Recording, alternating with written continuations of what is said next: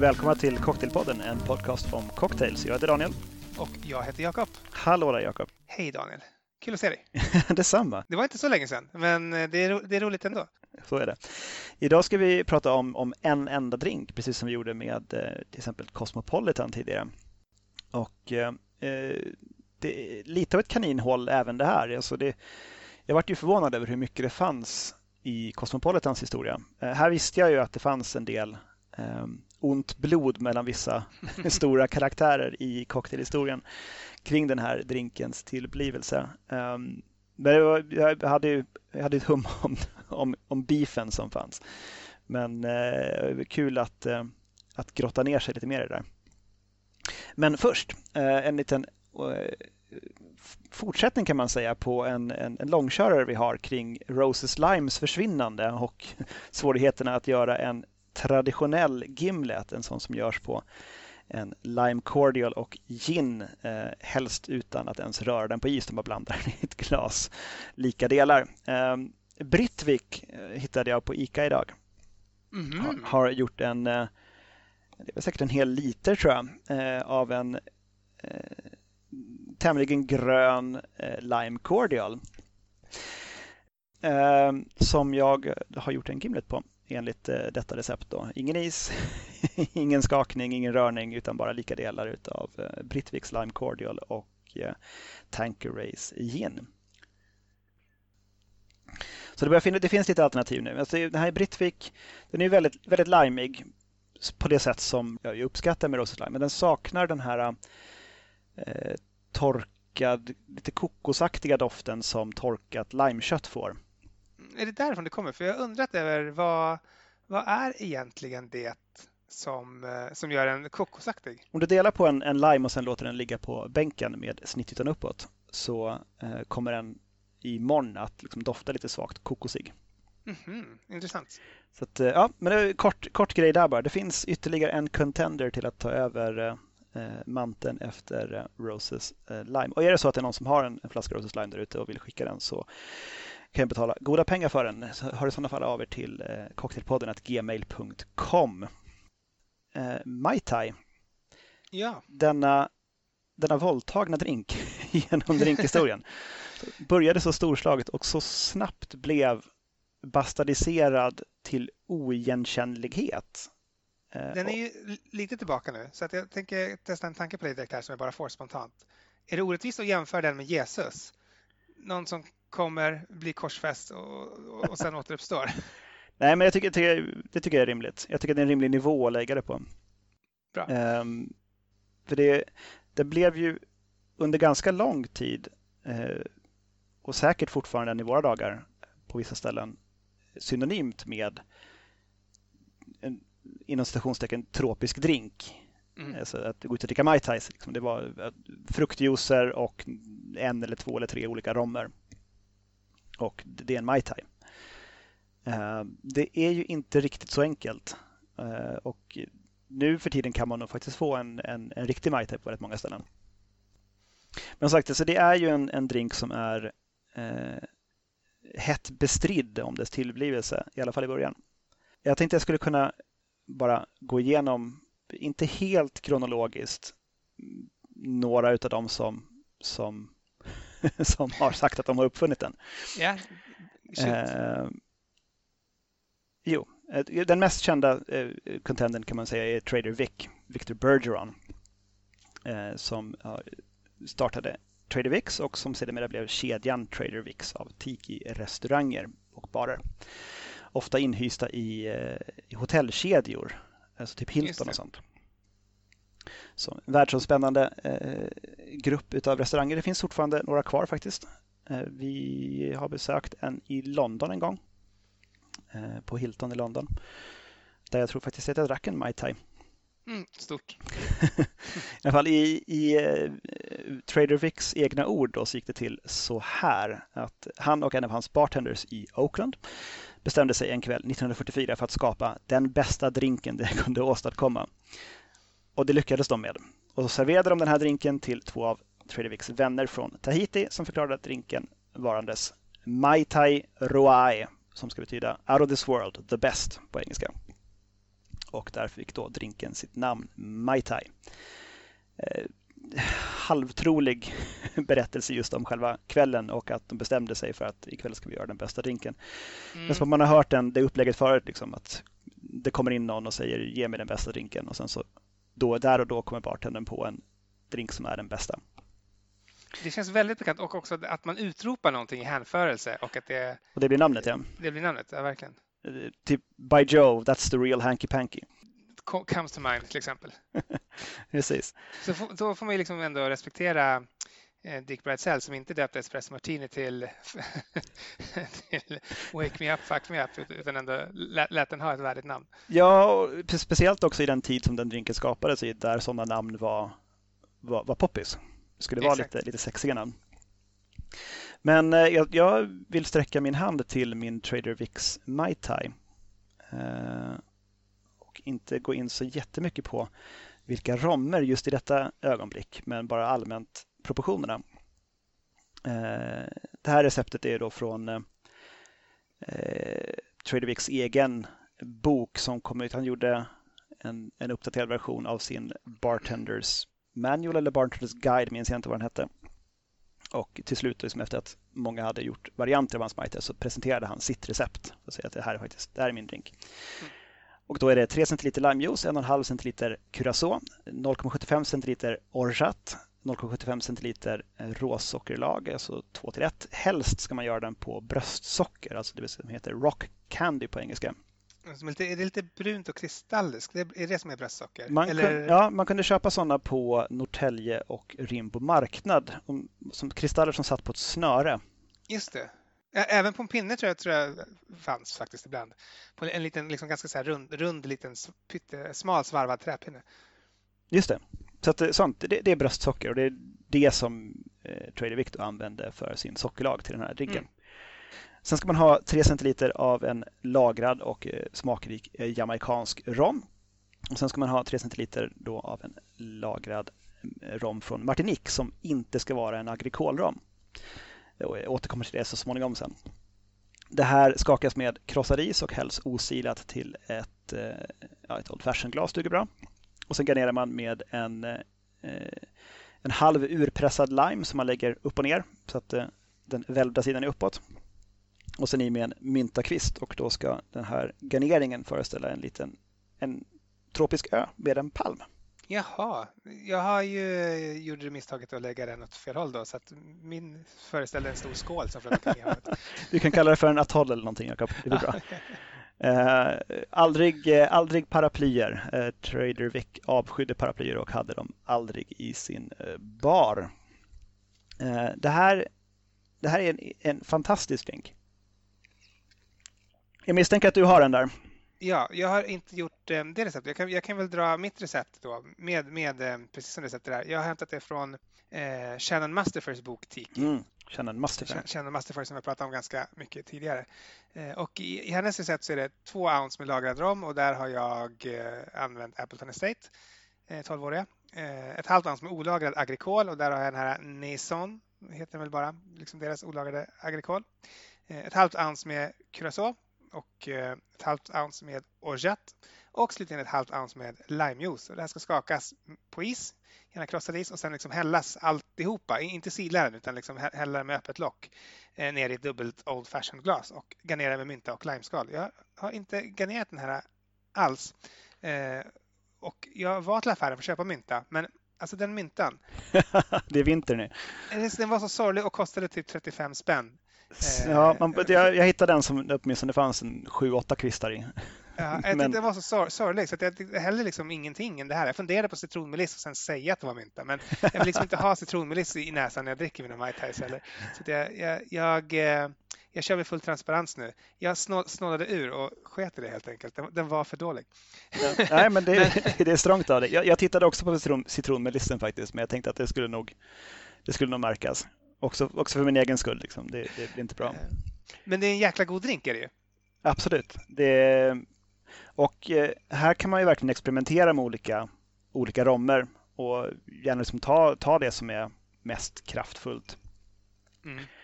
Uh, ja, det, det är ett bra, robust recept ska jag säga. Alltså, det verkligen Eh, man kan nästan ha i vilken rom som helst och det blir en bra drink.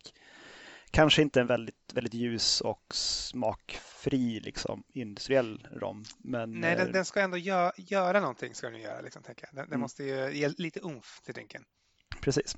Så det, det är liksom det, en av dem som säger sig ha uppfunnit drinken. Sen har vi en karl som heter Harry Owens som var orkesterchef på Royal Hawaiian Hotel och där i sina memoarer så, som heter Sweet Leilani så berättar han hur han tillsammans med två vänner och en bartender försökte återskapa en drink som en av de vännerna hade druckit i Tahiti. Den drinken skulle ha hetat Mai Tai.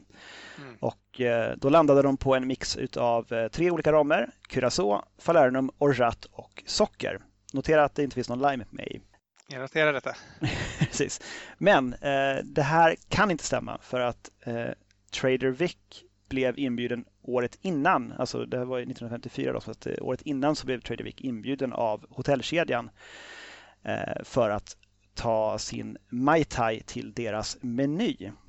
Så att eh, Trader Vicks Mai Tai fanns redan på menyn så att om de hade behövt återskapa den här Mai Tai-drinken med de här ingredienserna hade de bara kunnat beställa den i baren. så att det är inte speciellt krångligt att lura fram den där.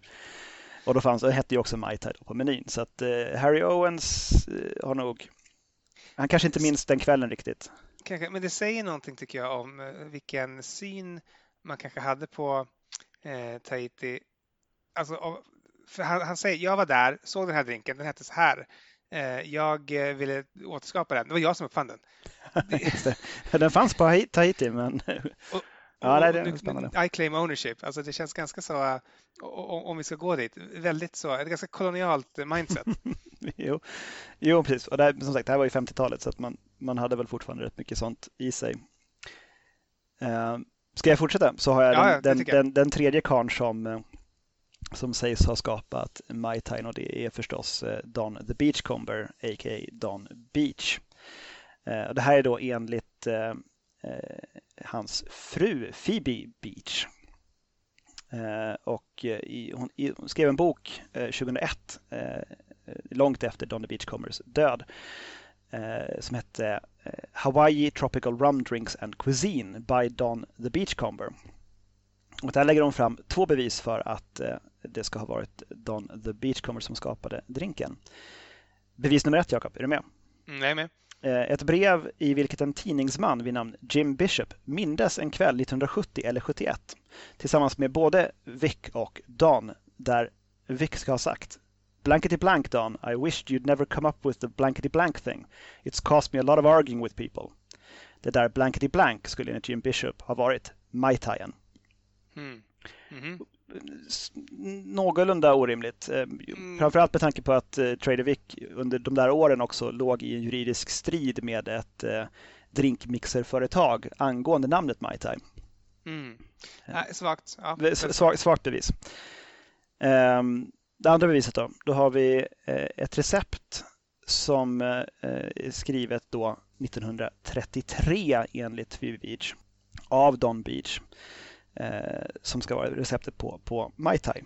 Men enligt då, nu ska vi se, när jag har sagt Don the Beach kommer för många gånger så kan jag aldrig komma ihåg vad karln heter, men Beach Bum Berry som har skrivit många böcker om, om Tiki. Han har, gått, han har gått väldigt djupt ner i det här och det finns att läsa i hans bok Eh, remixed som är en blandning av hans böcker Groglog och Intoxica eh, med lite uppdaterade recept och mer information. Där, alltså, han har gått igenom väldigt många gamla menyer från eh, Don the Beachcombers och det finns ingen den finns, My Time finns inte med på någon av de menyerna. Det är väldigt många menyer som man har. Eh, innan 1960-talet och då var ju drinken redan känd och folk frågade efter den, folk ville ha den och Don the Beachcombers behövde ha en Mai Tai för att det hade alla andra. Precis som att alla andra hade en, en zombie till exempel. Just det. Så, vad ska vi se här. det, här det här är ett rörigt bevis också det. Eh, men det här receptet det nämner en, en romsort som var vanlig på prislistor i början på 1930-talet men som försvann kort därefter. Så att receptet verkar vara från början av 1930-talet och bär då namnet Mai Tai. Okej, okay, den bär namnet Mai Tai. Möjligen Mai Tai Swizzle. Det är lite otydligt om det, det heter. Så Mai Tai Swizzle kan den möjligtvis ha hetat på den menyn. Men att Phoebe då menar att det var samma drink. Mm. Eh, och hon har också nämnt att Beach Bumberry, eh, till Beach Bumberry då att eh, Don the Beach kommer inte gillade den här drinken egentligen. Så att visst, det finns en möjlighet att han skapade en drink som hette Mai Tai, hade den på menyn i början på 30-talet med den här specifika rommen. Men om att han inte gillar den så strök han den och just de menyerna där den fanns med har försvunnit och finns inte längre att hitta. För det, alla menyer är inte återhittade. Mm. Ja, Så att, men, ja. men däremot, om drinken inte fanns på menyn så kan inte Trader Vic ha snott drinken därifrån. Om det inte fanns att dricka när han kom dit 1937. Nej, det blir svårt. Är du med? Ja, jag, Jag, jag, jag, är, inte, jag är inte riktigt klar. Okej, fortsätt. Då skulle man kunna tänka sig då att Don Beach, han har varit mycket på Tahiti. Han uppfann en drink som han kallade Mai Tai efter ett vanligt uttryck där. Eh, Trader Vic uppfann en Mai Tai eh, som vi känner den idag och med namninspirationer från de här två tahitierna i, i baren utan att känna till Dons drink. Det är en möjlighet. Eh, finns en annan möjlighet där och det är också eh, enligt en karl som heter Edward Mick Brownlee så ska eh, Don faktiskt aldrig ha sagt att Trader Vic stal just Mai Tai från honom utan att han stal en drink från honom. Den drinken ska då ha varit QB Cooler som Trader Vic sedan gav namnet Mai Tai. Och i receptboken, eh, en receptbok som har hittats från 1937 från Don the Beachcombers som var skriven av eh, eh, Don the Beachcombers andre man så finns en QB Cooler på menyn samma år som Trader Vic var på Don the Beachcombers och bestämde sig för att skapa en kedja utav tiki-restauranger. Mm. Och jag har en Cooler här framför mig också. Den är inte helt olik smakmässigt faktiskt eh, Trader Vic's Mai Tai. Även jag har gjort en QB cooler kan jag säga. Precis, Eh, vi kommer till receptet snart här men bara summera ihop det här helt enkelt.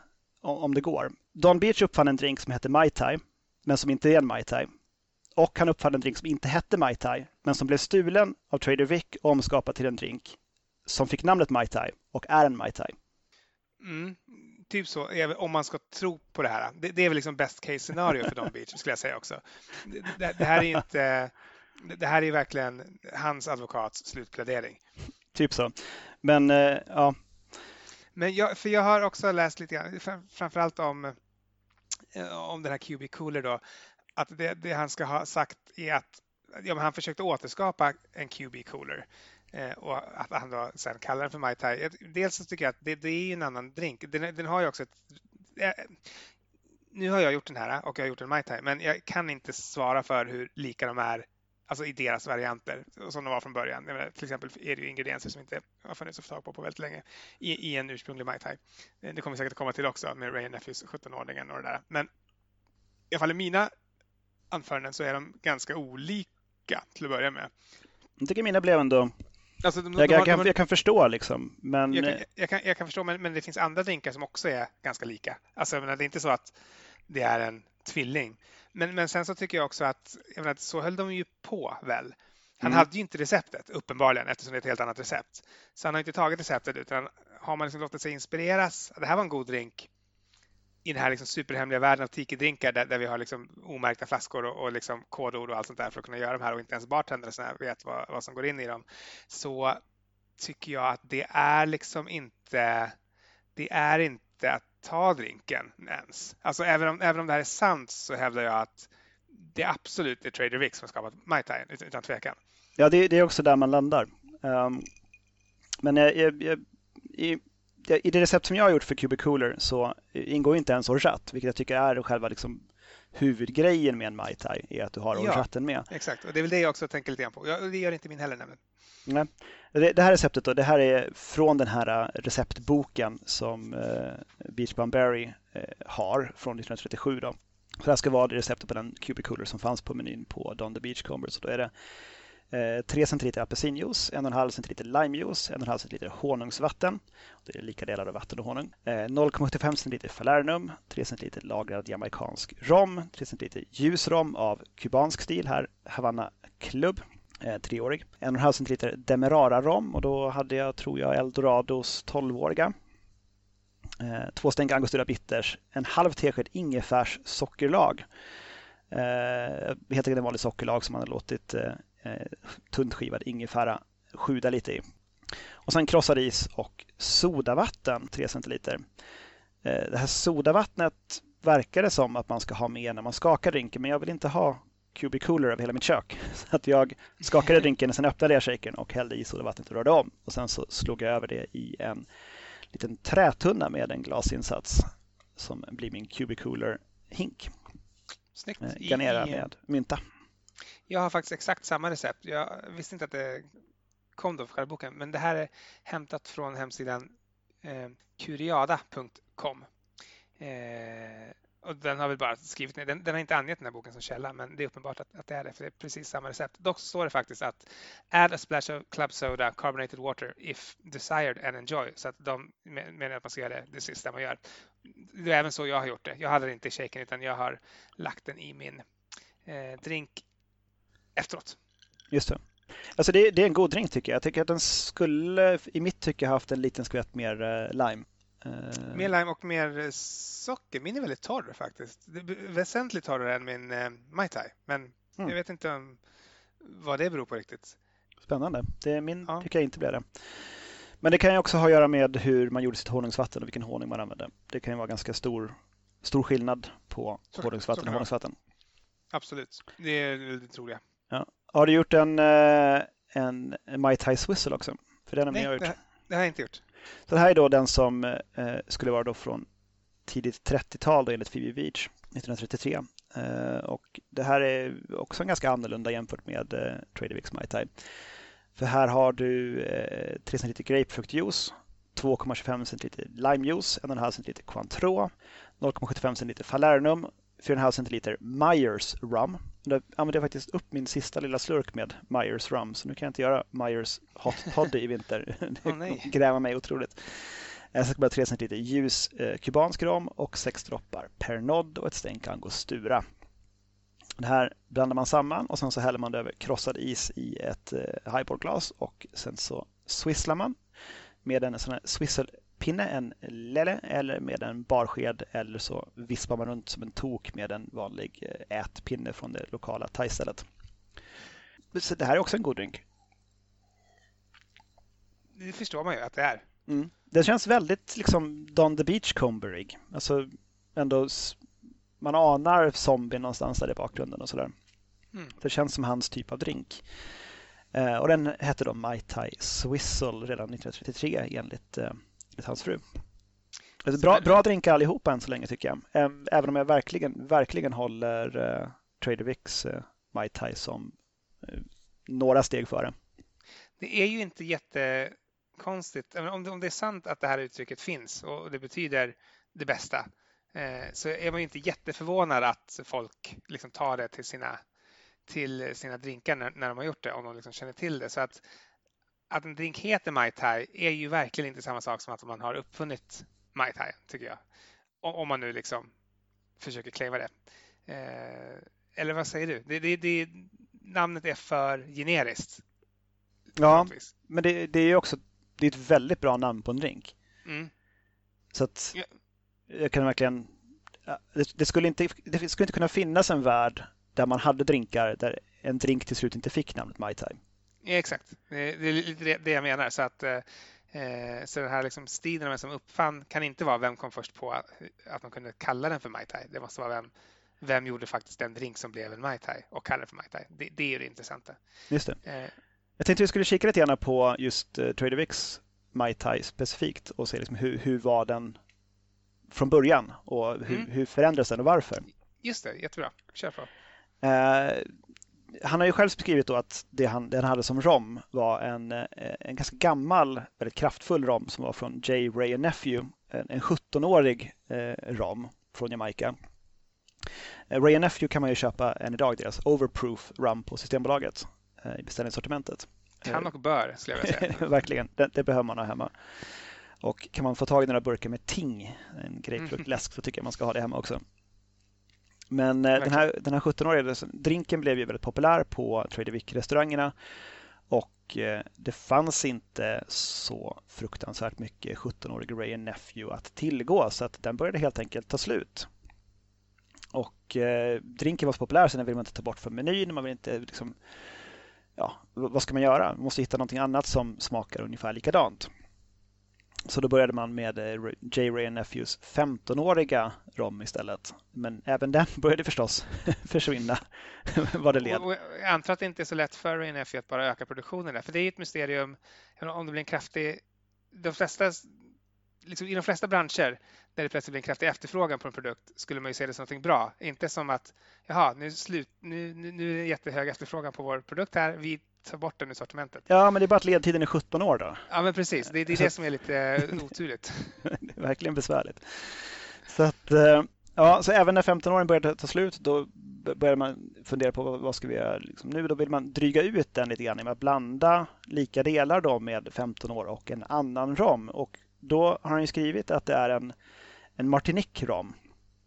Vilket också är varför väldigt många recept nu under liksom cocktailens återkomst har eh, tagit med en, en agrikolrom. För jag tänker bara att Martinique-rom är en agrikolrom. Mm, som Shannon Masterfair som jag Ja, precis. Det är ett väldigt exempel. bra exempel. Och menar, det, blir inte en, det blir inte en dålig Mai Tai att ha i en, en, en agrikol. Alltså, de flesta romer funkar om de har mycket smak i, eh, i en Mai Tai.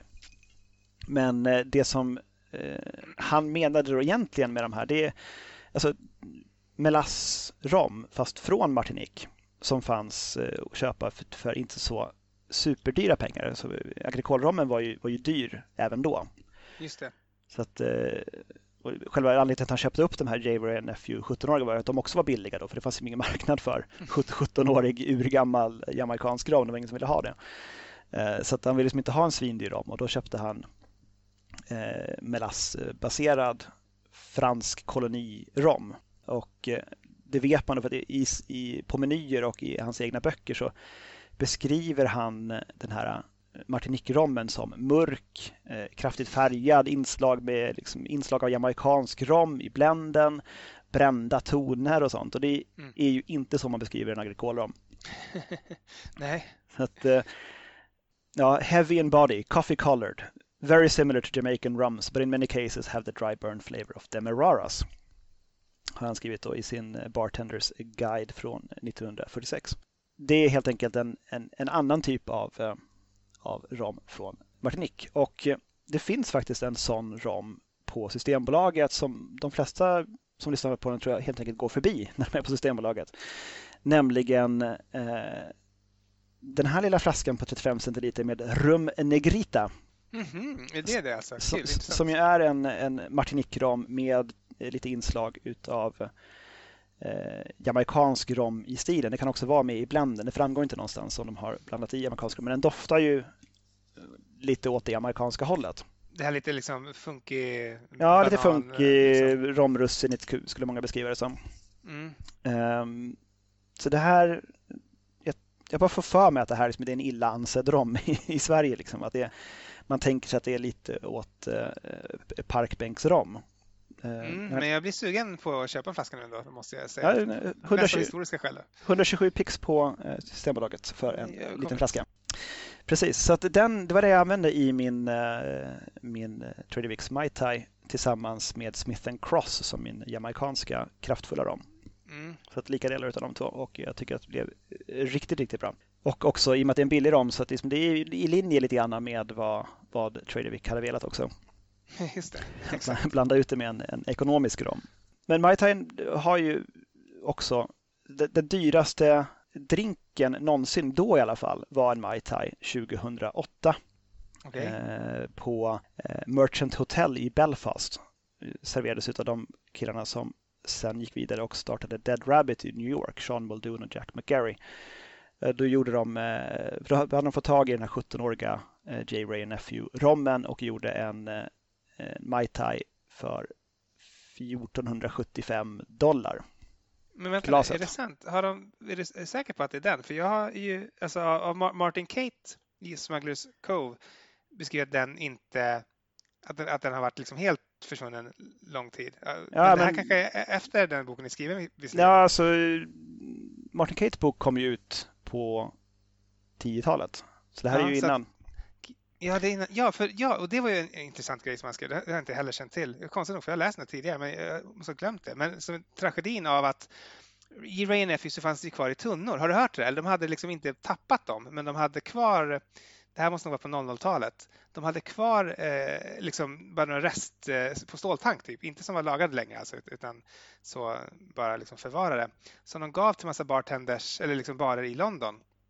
Eh, där unga coola bartenders jobbade som inte hade någon aning om vad fan det här var och bara gjorde liksom eh, rom och cola. på dem. Ja, och rom och cola och bara skepade ut dem för en helt liksom Ja, vi fick massa rom här. Ja, bra. Liksom. Eh, Nästan allt, gratis. Allt, Ja, helt gratis. Jag tror att de, eh, gav blev av med den? Okay. ja, precis. Ja. Men de visste att det var en speciell produkt men hade inte alls kommunicerat det. Eh... Men gud.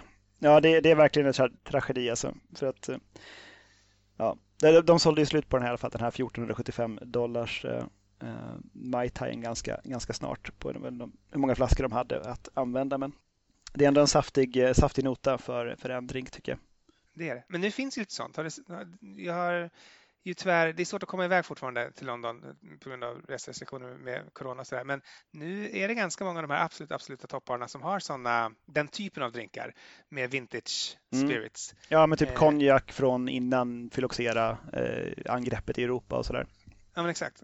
Det är ganska coolt tycker jag. Eh, man, man blir ju man blir ändå sugen på att eh, någon gång ändå beställa en 850 kronors Bronx eh, cocktail eller någonting sånt. med, med gammal Amerpicon. Man måste ändå darra lite grann på manschetten när man som bartender ska göra en sån, tänker jag mig. Ja, det tänker jag också. Så det är verkligen eh, droppe för droppe så otroligt dyrt. Så, att, eh, så tycker jag, men som sagt, man, jag tycker man ska experimentera med sin, eh, sin Trader Vic Mai Tai. Det är ett, ett, bra, ett bra format. Jag tycker att i många recept har jag sett att man ska använda Pierre Ferrands eh, Curacao. Och det har jag provat förut också med eh, Smith Cross som rom. Då. Men jag tycker att då har den blivit lite för torr.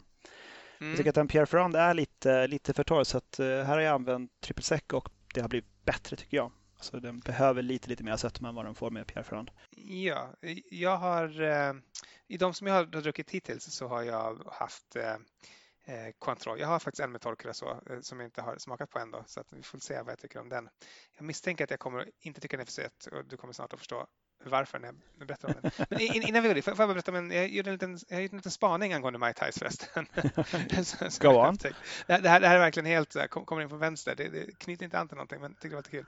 I eftermiddags så, så satt jag, jag, go, jag googlade på frasen Mai Tai in popular culture och då eh, fick upp eh, massor av eh, låtar, alltså sånger som innehåller eh, eller som heter någonting med Mai Tai eh, på Youtube och satt ganska god lång tid faktiskt och bara lyssnade på låt om Mai Tai efter låt om Mai Tai och det var en, en ganska härlig liten så här eftermiddagsmys som jag hade där framför min dator framför Youtube. Men spaningen då.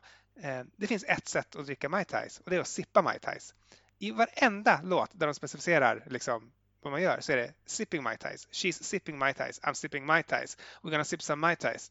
Do you love sipping Mai Tais? Det finns ingen som dricker Mai Tais. Det finns ingen som eh, liksom enjoy your Mai Tai. Det finns ingen som gulpar Mai Tai. Chug, chugging Mai Tais. Utan det enda sättet det är att sip it. Så eh, jag, jag, vet inte vad det säger riktigt, men det är verkligen, det är verkligen en drink som man sippar eh, enligt då eh, den populärkulturella musikvärlden åtminstone. Det finns liksom inget annat sätt att inmundiga den än genom just sippandet. Så jag antar att... Eh, stark spaning. Ja, jag, jag, jag är verkligen otroligt stark. Här kommer det gå till historien. ja, Ja, jag, vet, jag, vet, jag, vet, inte vad det säger, men det säger väl någonting. Men alltså, hur många låtar är vi pratar om här? Liksom? Ja, men kanske, säg 14 låtar då kanske. Men det är ändå ganska mycket för en drink. Alltså som inte är typ Crystal eller någonting. Det, det, det, på in, in, in, the club. Ganska mycket. Eh, jag, har inte räknat, men som sagt, jag, satt där nu ett bra tag. Lyssnade inte klart på alla, men uteslutande sipping. Om det inte bara är Mai Tai, Mai Tai eller någonting sånt. Liksom. ja, vissa texter lämnar ju en del att önska, kan man säga. Uh, ja, alltså, det jag tänkte vi skulle glida över till nu är vad, vad som hände efter att Mai Tai kom ut från uh, Trader Vicks och snoddes av alla andra som också ville ha en Mai Tai men som inte hade en aning om hur man gjorde en Mai Tai. Mm. Um, det är verkligen det att ingen, ingen visste vad man skulle göra. Någon, man kanske inte ens hade druckit den, man hade inte varit i, i Oakland till exempel eller så i början. Och men bara, vi ska ha en drink som heter Mai Tai, vi har en tropisk restaurang. Vad ska vi göra? Uh, så det, den dök ju upp i en mängd olika varianter och uh, Trader Vic ska ha skrivit det i sin uh, Bartenders Guide, uppdaterade versionen från 72, att this aggravates my ulcer completely. Och eh, det var också i den här uppdaterade versionen då, 72, som han skrev det riktiga receptet. Eh, med också till texten att anybody who says I didn't create this drink is a dirty stinker. Ja, jag har också reagerat på det, för det känns jag trodde det var ett, ett brittiskt uttryck för det första. Visst man pratade på det sättet i USA. det, men det, man, man kommer ihåg det. Alltså det, ja. det är ihågkommeligt citat. Ja, det är. Han, han stämde också, det nämnde jag lite kort tidigare, men han stämde ju ett företag eh, som heter Sunvac för att de la ut en produkt som var en Mai Tai mix. Eh, vilket inte var något fel så, men de gjorde det under namnet Don the Beachcomber. Ooh. Vilket ju, det blir lite känsligt bara där. Ja, det, det, det är hårt. Ja. ja. han, han vann i alla fall. Eh, visserligen out of court settlement, men han fick, han fick betalt för, eh, för det och liksom, de erkände väl då att det var det kanske var fel. Ja. Precis, så han, han har ju ett, ett rättsfall i, i ryggen där som säger att det är han som uppfunnit drinken.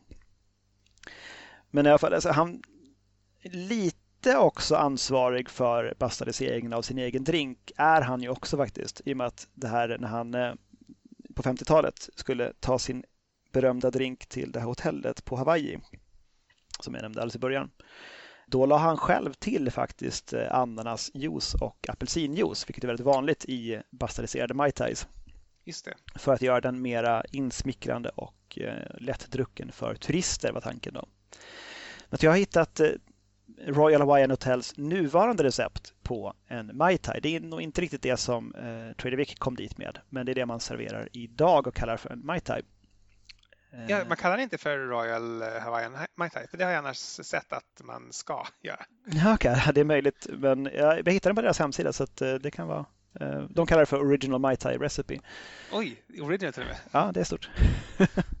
men eh, så där har du eh, 3 centiliter ljus rom. Sen ska du ha en tesked vanilj körsbärspuré. Men då har jag tagit lite sirap från maraschino körsbärsburken istället. Mm, som en liten eh, så, någon fruktig eh, rödaktig sirapgrej istället. Eh, en och en halv centiliter amaretto, en och en halv centiliter Cointreau, tre centiliter apelsinjuice, hela sex centiliter ananasjuice och sen ska man ha en float med en och en halv centiliter mörk rom. Det här skakas ju då med krossad is och hälls osilat till ett glas och sen sätter man på rom, romfloaten så garnerar man med allt man har. Alltså parasoll, körsbär, ananas, lime, vad som helst på bara. Jag kan, jag, säga, jag kan verkligen tänka mig att amaretto funkar bra. Jag eh, tycker det låter jätte, jätte smart att ta amaretto där. Ja, och det är, jag menar, har man inte orchat i baren men man har amaretto mm. så är det ju ändå samma, samma smak på sätt och vis. Så att, ja, det här är min eh, Royal Hawaiian Hotel Mai Tai då. Det är inte en höjdardrink. Mm. Den är liksom lite platt och söt. Jag hade velat ha mera, mera syra i den. Den är väldigt, väldigt söt. Det finns ju, I och med att det är den här stackars apelsinjuicen då som ska, ska bära alltihopa. Det finns inte sån lime i den liksom. Så att, eh, jag, jag, tycker att den är svår. Den är inte, det är inte min typ av drink. Men hade jag suttit på en eh, altan under en palm på eh, Royal Wine Hotel och beställt en Mai Tai och de kommer in med den här så hade jag naturligtvis druckit upp den. Alltså den, ja, den känns ju väldigt så eh, altan under paras, eller palmträdsgrej drink liksom. Eller vid poolen. Jag är ju inte mycket för att inte dricka upp det jag har beställt. Jag, jag måste säga, det ska vara, det, det, ska fan till någonting då alltså. Men jag, jag kanske tar någonting annat. Liksom. Det, det, kan jag göra. Jag behöver inte hylla dem genom att liksom bara säga keep them coming. Men, men, men nog är jag, jag, är, gans, jag är ganska generös. ja, alltså, ja, det är sant. Jag, jag, har nog, jag har nog aldrig skickat tillbaka någonting. Jag tycker det känns obehagligt. Ja, jag håller med. Jag håller med. Och fel på något vis. Mm. Eh, har du också någonting sött där eller? Jag har, ja men det kan jag ta. Jag har, eh, eh alltså den, den, som på något sätt, vi pratat om, om eh, gud, jag bort Martin Kate, alltså Smugglers Cove. Just det. Killen då. Med ganska mycket, både det här avsnittet och i tidigare avsnitt, inte minst om våra, i våran trojka om Tiki. Men eh, han har ju inte, tror jag, en, en liksom vanlig Mai Tai med i, bland sina recept i, i sin bok Smugglers Co. Eller så har han det också. Hur som helst så har han också något som heter Sparkling Mai Tai som ju är en sorts då Royal Mai Tai kan man säga. Eh, och i en sparkling Mai Tai så ska det vara ett halvt ounce med lime, eh, ett fjärdedels, förlåt, ett fjärdedels ounce med lime, ett fjärdedels ounce med orgeat, ett halvt ounce med torr curacao som han då specificerar, så det är där jag använt Pierre Ferrands torr curacao. Eh, ett fjärdedels ounce med Black Blended Overproof Rum och där har jag tagit eh, OFTD. Ett halvt ounce med Appleton Estates eh, 12-åring. Och eh, det här ska röras och sen inte finsilas utan bara hällas till, eh, det står röras faktiskt, och sen hällas till ett isfyllt eh, double old fashion glas och toppas med fyra ounce mousserande vin. Och nu är det så att jag har förvisso mycket mousserande vin hemma, väldigt mycket mousserande vin hemma, men, men allt är av sådan kvalitet att jag vill inte öppna en flaska göra en drink och sen konstatera att klockan är mycket, vi ska gå och lägga oss, vi häller ut det här. Så att eh, jag jag har inte använt mousserande vin i den här utan jag har tagit alkoholfri päronsider istället. Eh, så det här, det, här är, det här är inte en sparkling Mai Tai från Smugglers Co. Men ni har originalreceptet om ni vill göra den. Och ni har också mitt recept om ni vill göra den. Jag har därtill garnerat den med en liten Satsumas eh, skiva och en sån här liksom liten limeskalsbåt. Och eh, nu eftersom det inte är någon liksom, alkoholhaltig top-up i den, den är 4, 4 ounce eh, mousserande vin i originalet, så blir den ju ganska alkoholsvag. Så det är en väldigt bra, det är en väldigt bra liksom, alkoholsvag drink om man vill ha någonting sånt. Och det är också väldigt gott. Eh, jag skulle nog om jag gjorde den igen, vilket jag absolut kan tänka mig göra i den här varianten, kanske dubbla spriten. Så att istället för ett fjärdedels ounce med OFTD så skulle jag ta ett halvt ounce och istället för ett halvt ounce med Appleton Estate skulle jag ta ett fullt ounce. Eh, för, för att få li, li, lite mer umf i den men, men ändå liksom kunna låta den vara lite alkoholsvag. Eh, men det här är, det är, riktigt, det är riktigt gott ändå. Jag vill bara säga det. Men smakar päron istället för mousserande vin. Eh, kall, kalla mig snål, men det, jag vet inte. Hur, eh, först myntan och nu det här, Jakob. Mm. Jag har drabbats av någon sorts snålhets, eh, snålhetssjuka, antar jag. Men, men, myntan var också för att den var för sorglig. Jag vill, bara, jag, vill, jag vill liksom inte ha, jag vill inte ha den myntan hemma. Den var så, den var så, den var så ledsam. Ja, och det, är det, liksom det, är det som också är ödets grymma ironi på något vis. Att på vintern när man verkligen vill ha tiki-drinkar i Sverige mm. för att det är så mörkt och hemskt ute och man vill liksom sitta och mysa med en riktigt bra tropisk drink och drömma sig bort. Så går det inte att få tag i bra mynta. Nej. Det, det är jättesvårt. Um, ja, nej, det, det är grymt. Det är väl som, som det ska antar jag, liksom. att, att det ändå finns säsonger alltjämt. Eh, det, det, får man väl ändå acceptera och, och, kanske till och med lite glad över så att man har någonting att längta efter. Men eh, då borde de inte sälja det överhuvudtaget. Det borde, det borde inte finnas mynt i affären tycker jag. Alltså de, de här sorgliga bruna små bladen borde de inte, de borde inte ha det. Det bara dra ner det blir sämre för alla. Det ner stämningen för alla. Ah, skitsamma. En sparkling Mai Tai i alla fall. Eh, den var god i mitt utförande. Jag tror att den kan vara festligare och kanske ännu godare i det riktiga utförandet. Om jag någon gång eh, hamnar eh, på en Smugglers Cove så kommer jag att troligtvis beställa den här. okay. det, jag, jag, kan inte, jag, kan inte, se det på något annat sätt. Jag gillar champagnedrinkar, jag gillar Mai Jag vill gärna ha den med eh, alkoholfri päronsider, tack. Har ni det? Exakt. Det är just det jag inte kommer göra, utan då, då kommer jag ändå vilja ha. Yes. Ha original. Ska jag ta oss i mål eller? Jag har en till faktiskt. Okej, okay. ja, men då, då, får du, då får du ta oss i mål för då tar jag den här nu. Det här är eh, ytterligare en sån här bastardiserad Mai Tai. Den här är från 60-talet från restaurangkedjan Stuffed Shirt från Pasadena. Och då har du 0,75 centiliter vardera av citronjuice, ananasjuice, apelsinjuice och grenadin till att börja med.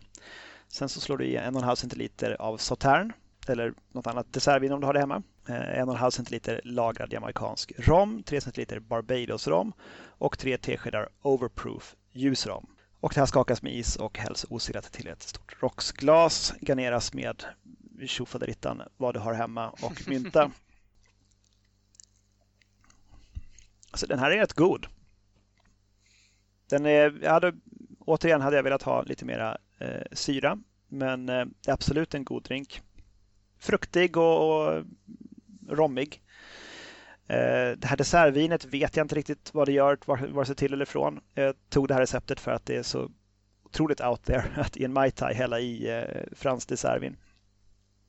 Det är liksom ändå så, så, långt man kan komma från originalet.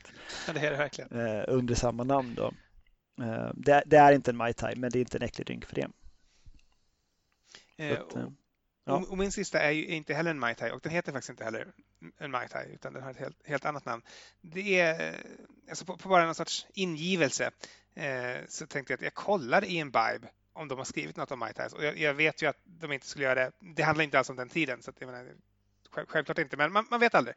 Eh, och det fanns faktiskt ett uppslag med Mai Tai så att jag var tvungen att kolla vad det var. Och då kom jag till drinken Knickerbocker. Och eh, så här skriver David Wondrich, som ju har då är upphovsmannen till den utmärkta boken Imbibe. Uh, the Knickerbocker is the spiritual progenitor of the tiki drink. Think of it as an 1850s Mai Tai, similar drink, different island. Den uppfanns då på Manhattan. Eh, så det är Knickerbocker som jag har eh, gjort. Då. okay. eh, så, så, så, kanske har börjat med, för, för det här är då en, en 1850-talsdrink som på något sätt ska ändå ha någon sorts liksom, valv, valvfrändskap med Mai Tai enligt David Wondrich. Och vem är jag att ifrågasätta liksom, den ändå st stora guden som kanske ändå är störst, störst av alla i denna, i, den, i denna lilla subkultur som vi har ägnat så mycket tid och möda åt. eh, men också som har gett oss så mycket glädje. Eh, i en Knickerbocker ska det vara en halv, alltså juicen från en halv citron, eh, två teskedar hallonsyrup. Och där kan man vara lite kreativ, tänker jag. Ta hallonsaft till exempel, eller säkert sylt om man, om man liksom silar ordentligt sen efteråt också, eller vad, vad man vill. Eh, ett vinglas med Santa Cruz Rum. Och ingen aning vad ett vinglas är. Jag har tagit 2,5 ounce och vad blir det då i centiliter? Det blir typ 7,5 centiliter. Eh, och eh, Santa Cruz har jag inte utan jag har tagit eh, Angosturas femåriga som av någon anledning, om jag bara liksom kollar på färgmässigt, ser ut att vara lagrat ungefär lika länge. Jag har ingen aning om hur Santa Cruz Rum smakar, eh, men de, de, har samma, samma färg åtminstone då, så att det, det fick duga för mig. Eh, därtill eh, en halv tesked curacao så väldigt lite curacao, en, en litet skvätt curacao. Eh, cool with shaved eyes. Shake up well and ornament with berries in season. If it is not sweet enough, put a little bit more raspberry syrup. Och den var inte söt nog så jag tog lite mera av mitt hallonsyrup eh, i detta. Och sen har jag garnerat med då berries in season, vilket i mitt fall är en satsumas-skiva. Eh, nu är det ju verkligen säsong för småcitrus. Den börjar nu, tack och lov, eh, en av de bästa fruktsäsongerna. Och eh, smaken då? Ja, den, är, den är lite tiki, eh, men, men simpel. Alltså, men jag förstår hur han menar. Det här är ändå eh, början liksom, på någon sorts eh, tiki-dink. Skulle kunna vara så här, först, första försöket. Sen kanske man vill ha flera rom, kanske blanda lite orjat eller någonting för att liksom verkligen eh, få den lite mera så, inte spretig, men, men, men med ett större djup. Därtill vill jag säga god, jätte, jättegod väl värd att göra. Beroende på vilken smak man har då, så kan man ju välja att eh, göra lite torrare. Nu är min lite sötare. Jag har av skäl, eh, olika skäl börjat gå mer mot att gilla faktiskt sötma senaste året. Så eh, min kanske är lite sötare nu än vad genomsnittsgommen eh, skulle, skulle liksom se som idealt. Men där är det ju så himla tjusigt att när man gör sin cocktail hemma så kan man bestämma själv hur mycket man vill ha. Så uh, gör den lite torrare om ni vill själva. Men en Knickerbocker får 4 av 5. Tycker Oj. det här var en jätte, jättebra drink och jag förstår absolut vad han menar med att det är en liten proto, en proto-tiki, en proto-mai tai. Mm. Coolt. Och eh, som sagt, du nämnde det där, men eh, är man sugen på att höra mera om Tiki i stort så har vi faktiskt gjort tre avsnitt en, en bit tillbaka där vi bara pratar om Tiki i det är gott och väl över tre timmar. Då. Så att, det, det, finns mer där att lyssna på om man, om man tyckte det här var intressant. Just det. Och eh, ja, och tycker man inte det så finns det typ 120 andra avsnitt som man kan lyssna på. Om det här nu råkar, råkar vara första som man hör. Ja, man, bo, man borde eh. kunna hitta någonting som, som tilltalar en om man är intresserad av drinkar och alkohol. Det tycker jag. Och med det sagt då, Ja, faktiskt. Skål, skål, skål och, och eh, god natt. Tack Jakob för ikväll. Tack så mycket och tack till er som har lyssnat för att ni har gjort det. Vi hörs snart igen. Hej då! Hej då!